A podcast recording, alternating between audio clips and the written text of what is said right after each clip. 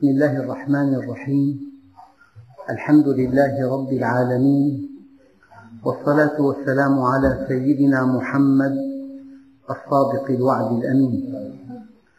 اللهم لا علم لنا إلا ما علمتنا إنك أنت العليم الحكيم.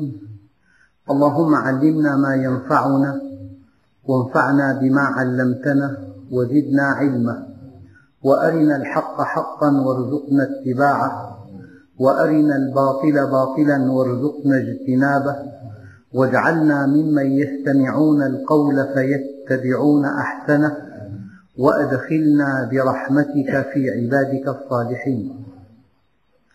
أيها الإخوة المؤمنون مع الدرس التاسع والعشرين من سورة المائدة ومع الآية التاسعة والخمسين. بسم الله الرحمن الرحيم.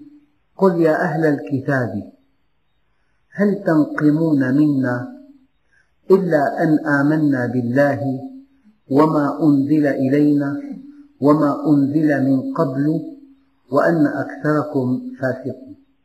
لماذا ينقم أهل الكتاب على الذين آمنوا بالله؟ هذه حقيقة أيها الإخوة. تنسحب على أية علاقة بين مؤمن وغير مؤمن إلى يوم القيامة.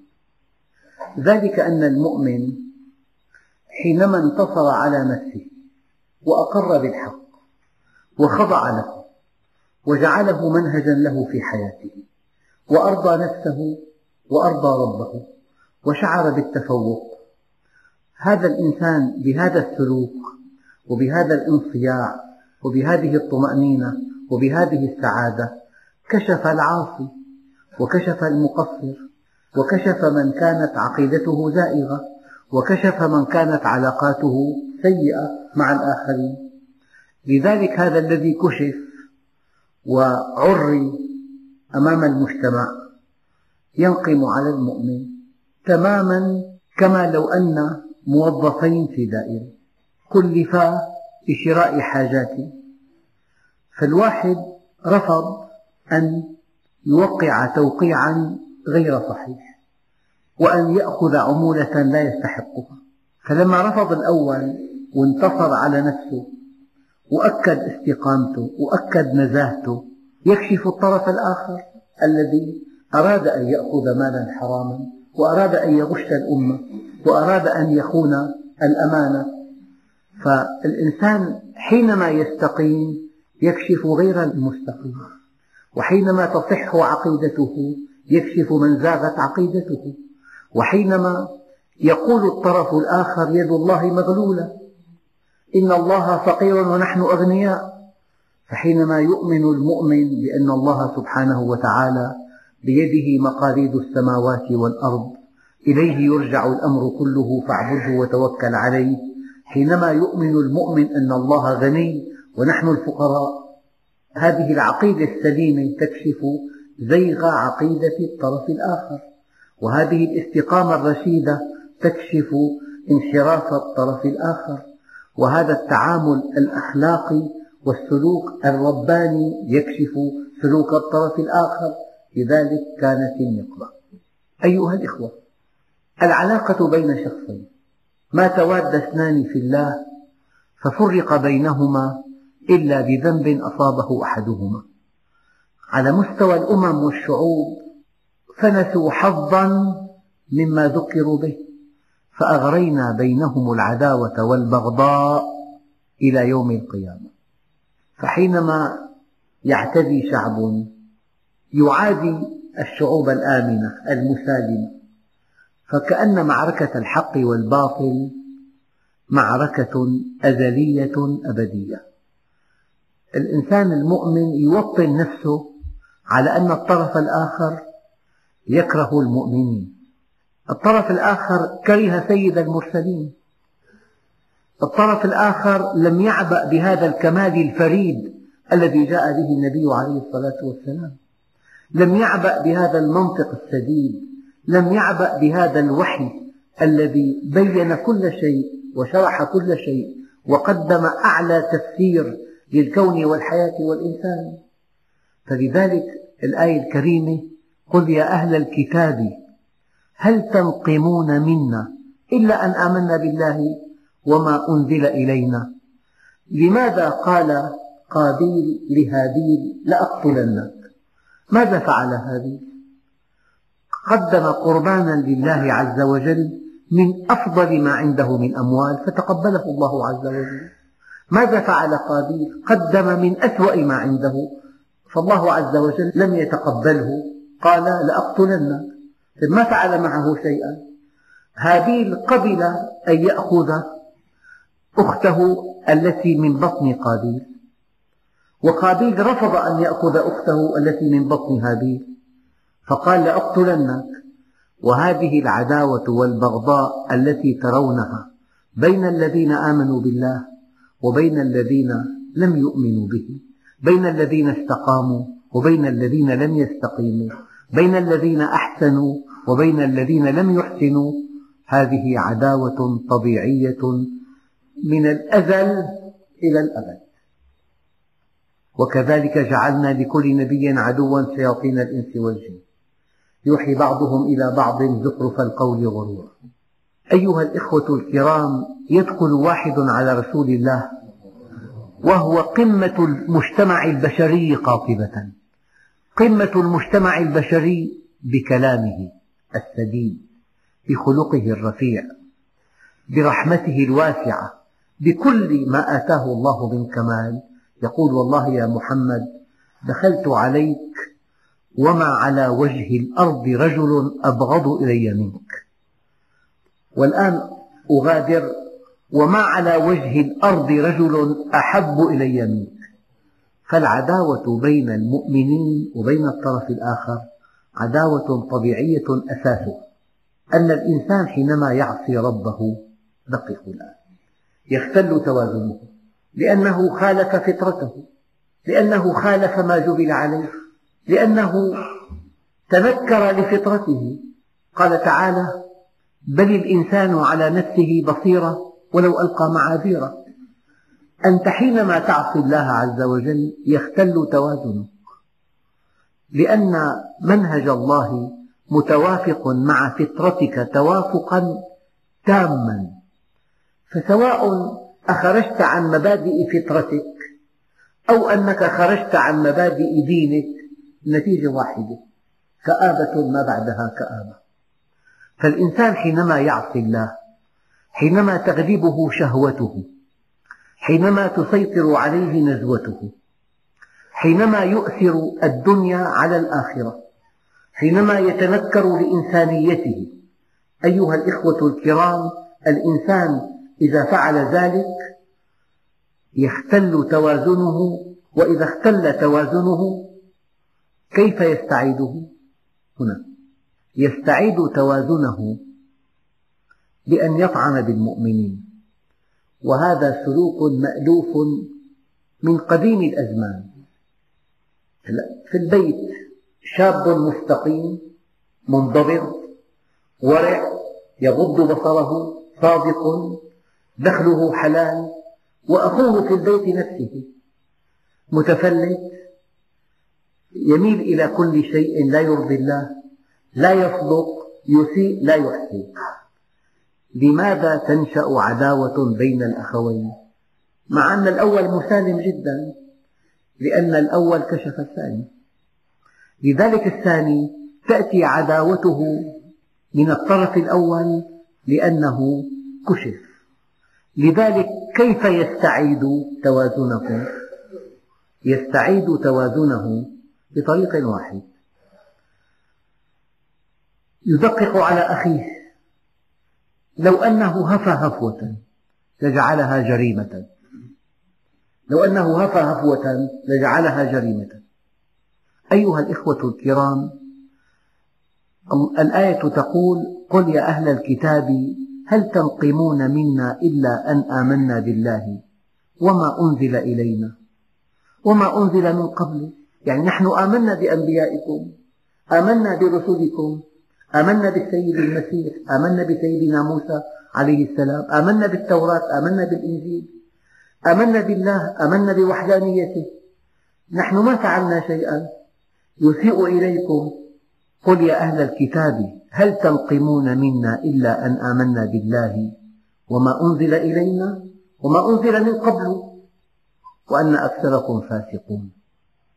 يعني بشكل مختصر الفاسق يعادي المستقيم والخائن يعادي الأمين والمنحرف يعادي الذي هو على صراط مستقيم والكاذب يعادي الصادق والورع يعادي المتساهل ومن فسدت عقيدته يعادي من صحت عقيدته.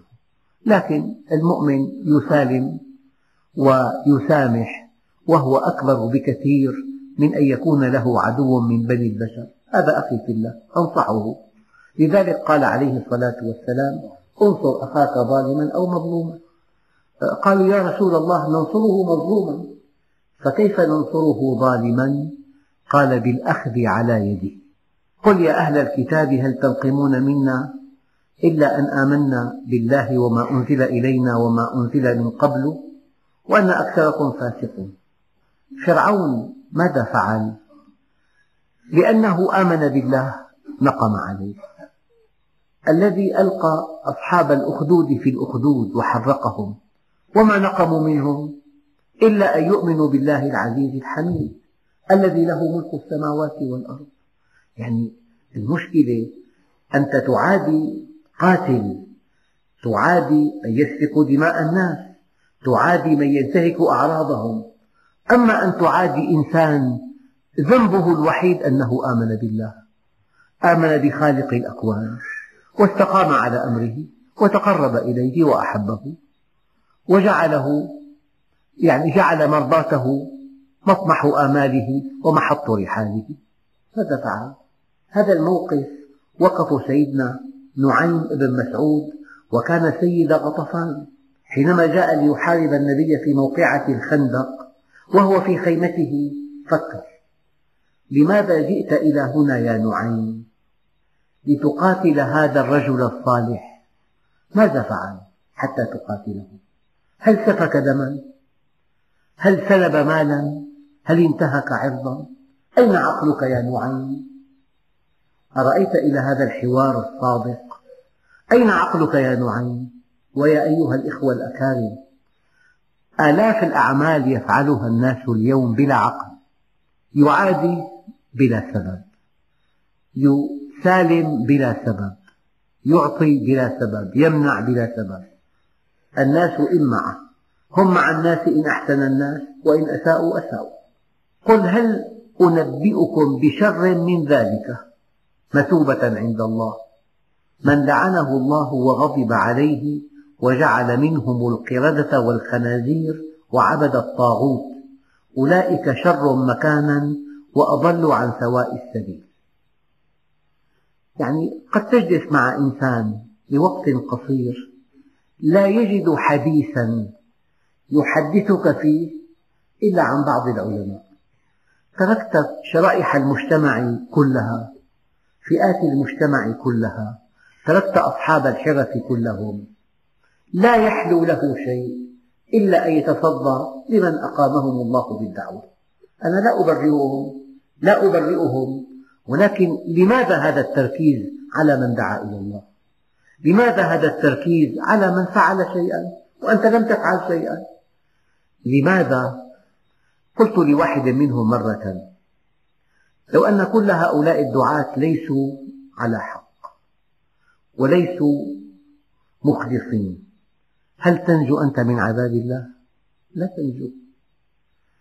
من هو شر مكانا من الذي ينتقده الذي أعرض عن الله كليا؟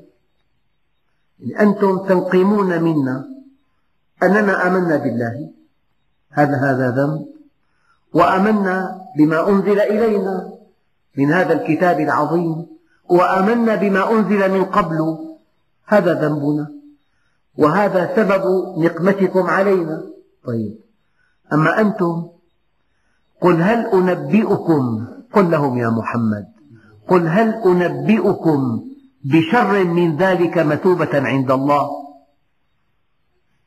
من لعنه الله أي أبعده عنه.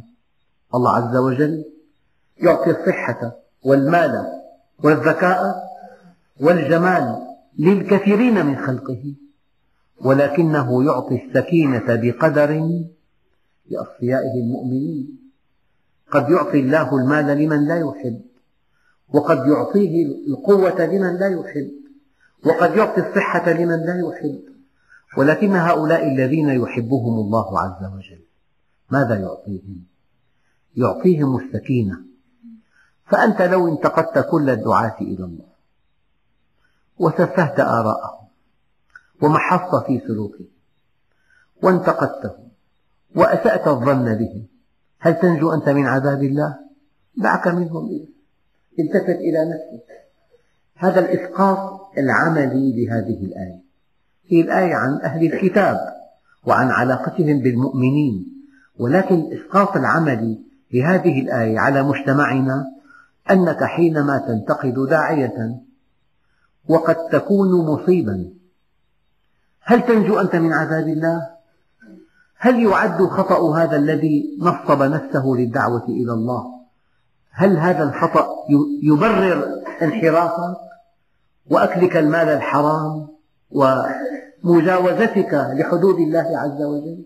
لذلك هذا الذي يعادي أهل الحق ولا يأتمر بأمر الله ولا يستقيم على أمره ولا يقدم لآخرته شيئا هذا شر مكانا عند الله من هذا الذي قدم شيئا وقد جانب الصواب أحيانا.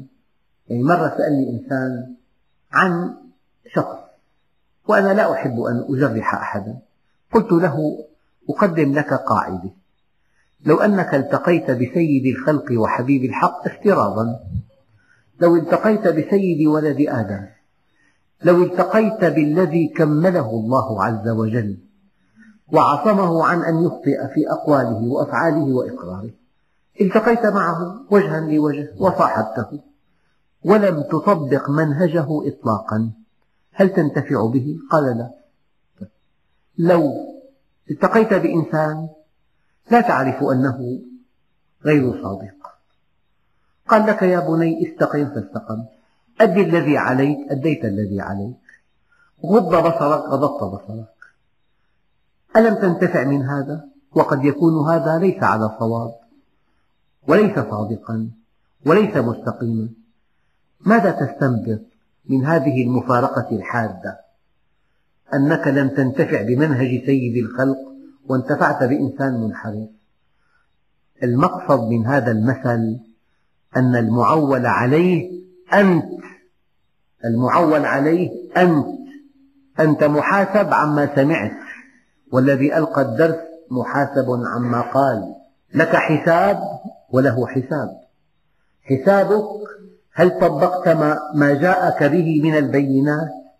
قال لك افعل وهذا الدليل. لا تفعل وهذا الدليل. ولا يستطيع إنسان كائنا من كان أن يقول برأيه في الدين. إن هذا العلم دين. فانظروا عمن تأخذون دينكم. ابن عمر دينك دينك إنه لحمك ودمك. خذ عن الذين استقاموا ولا تأخذ عن الذين مالوا. أنت تسأل ماذا فعلت مما قيل لك؟ والذي قيل لك مدعم بالأدلة والشواهد. والذي ألقى الكلام ألقى العلم له حساب خاص. هل طبقت الذي تقوله؟ هل كنت ملتزما بما تقول؟ هل كنت قدوة لما تقول؟ فالمعول عليه أنت. المعول عليه أنت. يعني دعونا من هذه المشاحنات وهذه التقييمات وهذه الاتهامات دعونا منها وليلتفت كل واحد منا إلى علاقته بربه وإلى مصيره عند ربه وإلى مدى التزامه بمنهج ربه. قل هل أنبئكم بشر من ذلك؟ مثوبة عند الله يعني حينما تعودون إليه مثوبة إن ثاب أي رجع من لعنه الله وغضب عليه وجعل منهم القردة والخنازير. هذه الكلمات في هذه الآية قد تثير تساؤلات. يعني هل فعلا مسخ هؤلاء قردة وخنازير؟ يعني كان إنسان صار خنزير. هل تعتقدون ذلك؟ كان إنسان صار قرد. أصبح حجمه صغير يمشي على أربع نبت له آه، وبر. لا بقي إنسانا. لكن صار همه كهم القرد طعامه وشرابه. وصار خنزير همه شهوته. فالذي لا هم له إلا بطنه ولا هم له إلا فرجه. هذا قرد وخنزير معا. فهذا المسخ الذي ورد في بعض آيات القرآن الكريم قد يفهم هكذا وقد يفهم فهما آخر. القرآن حمال أوجه. لكن يمكن أن تفهم الآية أن الذي تنمو شهوته وتسيطر على كل شيء يبيع دينه بعرض من الدنيا قليل. يقسم أيمانا كاذبة. يقسم يمينا غموسا ليقتطع به حق مسلم. هذا الذي يعبد الدرهم والدينار من دون الله ويبيع بالدرهم والدينار دينه وآخرته. هذا قرد والذي من أجل الجنس يبيع آخرته. هذا خنزير. فلعل قوله تعالى وهذا خاطر إيماني ليس غير. لعل قوله تعالى وجعل منهم القردة والخنازير وعبد الطاغوت. الطاغوت صيغة مبالغة للطاغية. الطاغوت يعني صيغة مبالغة للطغيان. فلان طاغية وطاغوت. لذلك الإنسان يعبد القوي كما هو شأن العالم اليوم. القوي يعبد من دون الله. القوي ينافق له. جميع الضعاف ينافقون للقوي. لذلك صفات ثلاثة رائعة. عبادة الطواغيت في الأرض وأن تكون الشهوة هي المسيطر وأن يكون المال هو المسيطر. وهذا معنى قوله تعالى وجعل منهم القردة والخنازير وعبد الطاغوت أولئك شر مكانا وأضل عن سواء السبيل. أيها الإخوة في بعض البرامج التي تهدف إلى رفع قدرات الإنسان هناك مقولة رائعة ابدأ من النهاية. نحن جميعا في هذا المسجد المبارك إن شاء الله. نهايتنا جميعا أن نكون تحت الأرض. من وقت لآخر. لكن بالتأكيد بالتأكيد بعد 150 سنة ليس منا واحد من هؤلاء الحاضرين وأنا معكم فوق سطح الأرض. بالتأكيد. هذه النهاية. النهاية عش ما شئت فإنك ميت. وأحبب ما شئت فإنك مفارق. واعمل ما شئت فإنك مجزي به. لو أن كل واحد منا بدأ من النهاية سوف أترك هذا البيت وأترك هذه التجارة أترك هذه الزوجة وهؤلاء الأولاد وهذه المركبة وسوف أترك كل ما عندي أترك أموالي ومقتنياتي وسوف أدس في التراب. ما ينبغي أن أفعل حتى أكون في التراب مكرما. ابدأ من النهاية لذلك كان عليه الصلاة والسلام فيما بين صلاة السنة والفرض في الفجر يضجع على شقه الأيمن ويتفكر في الموت. وقد قال عليه الصلاة والسلام أكثروا ذكر هادم اللذات مفرق الأحباب مشتت الجماعات أكثر من ذكر الموت. وينبغي أن نعد أعمارنا عدا تنازليا. ليقل كل منا لنفسه كم بقي لي.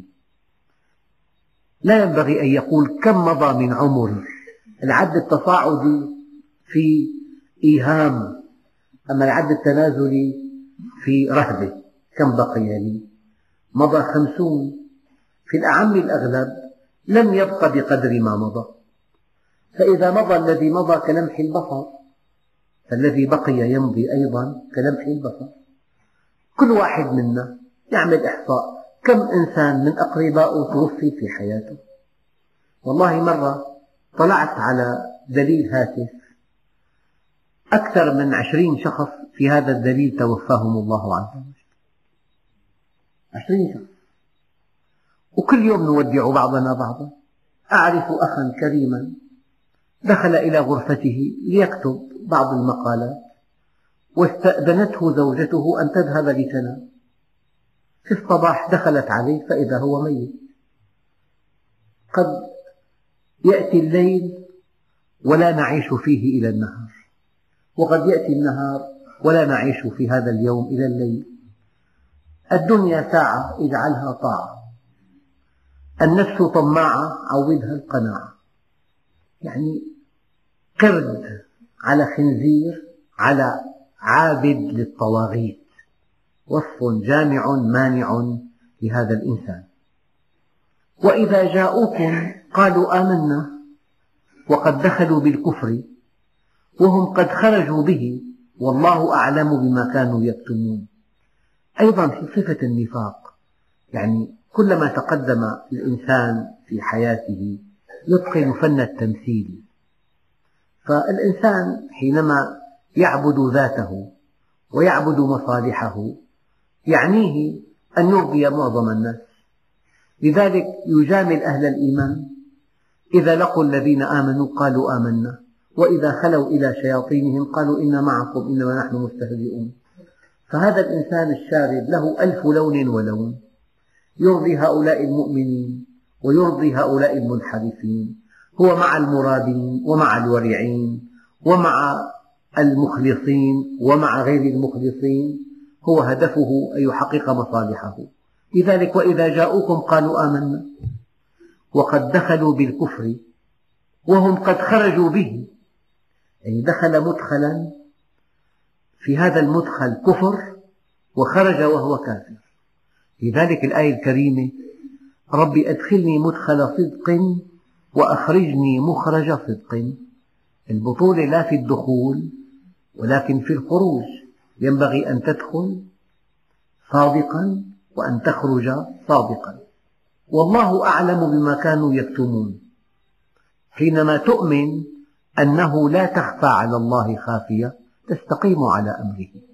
وحينما تؤمن أنه لا رافعة ولا خافضة ولا معزة ولا مذلة ولا معطية ولا مانعة إلا الله. تجمع كل اتجاهك إلى الله عز وجل. وترى كثيرا منهم يسارعون في الإثم والعدوان وأكلهم السحت لبئس ما كانوا يعملون. هذا الإنسان حينما يغفل عن الله ويشرد يقوم بأعمال لم يدرك أخطارها ولا مضاعفاتها. يتكلم كلمة قد لا يلقي لها بالا يهوي بها في جهنم سبعين خريفا.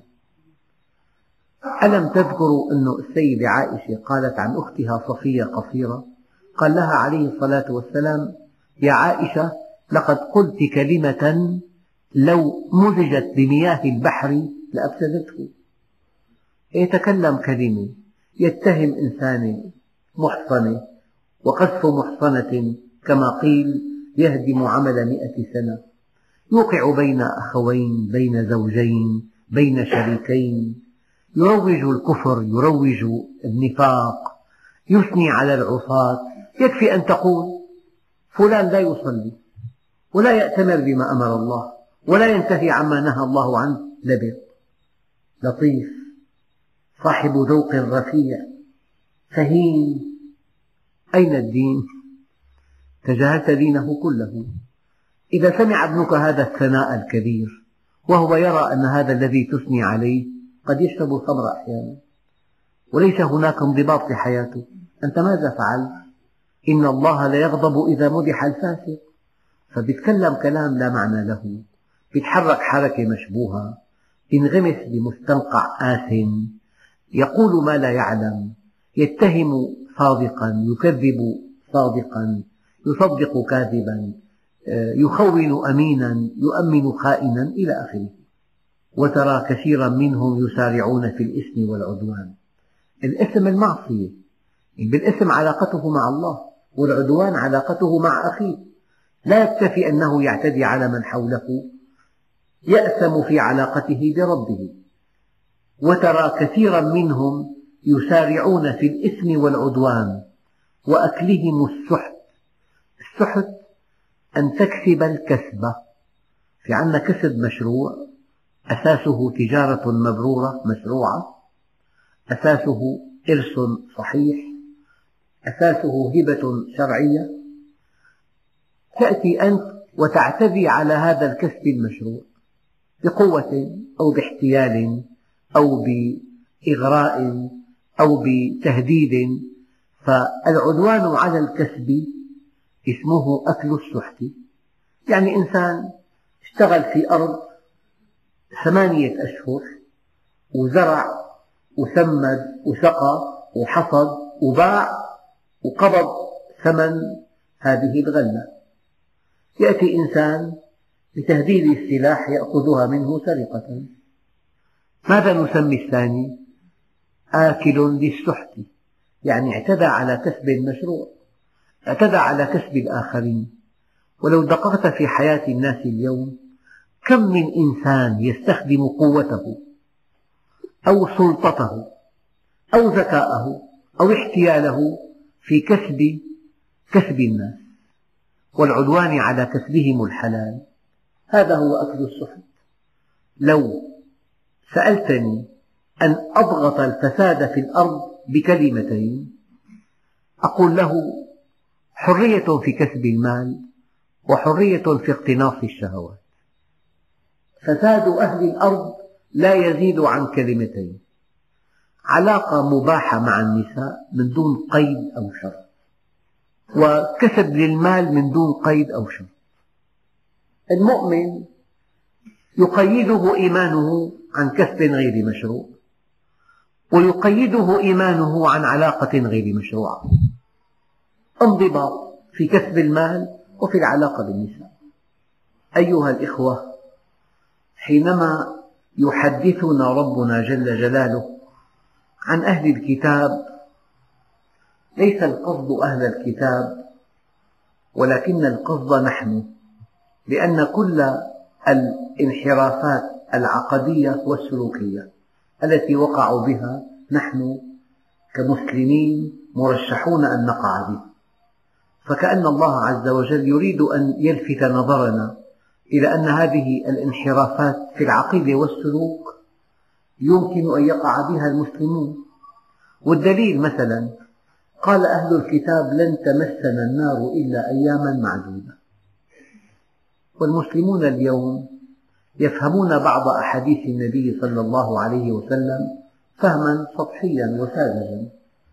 يقولون افعل ما شئت والنبي يشفع لك. الفكرة واحدة. إنما أهلك الله بني إسرائيل أنه كان إذا سرق فيهم الشريف تركوه وإذا سرق فيهم الضعيف أقاموا عليه الحد. فحينما لا يعاقب إلا الضعيف وينجو من العقاب القوي فنحن وقعنا في مرض آخر من أمراض بني إسرائيل. وإنما أهلك الله بني إسرائيل أنهم كانوا لا يتناهون عن منكر فعلوه. وحينما نكف اللسان مطلقا عن أي إنكار لمنكر وعن أي أمر بمعروف وقعنا في انحرافاتهم. وحينما قال اليهود سمعنا وعصينا ولسان حال المسلمين سمعنا وعصينا فنحن مثلهم. أمراض أهل الكتاب نحن مرشحون أن نقع فيها. واحدة واحدة. وها أنا قد ذكرت لكم بضعا من هذه الأمراض. وقد تماثلت بيننا وبينهم. فلذلك حينما يحدثنا ربنا عن هؤلاء أي إنكم معرضون لانحرافات كهذه الانحرافات. نسأل الله جل جلاله أن يعفو عنا وأن يلهمنا رشدنا والحمد لله رب العالمين.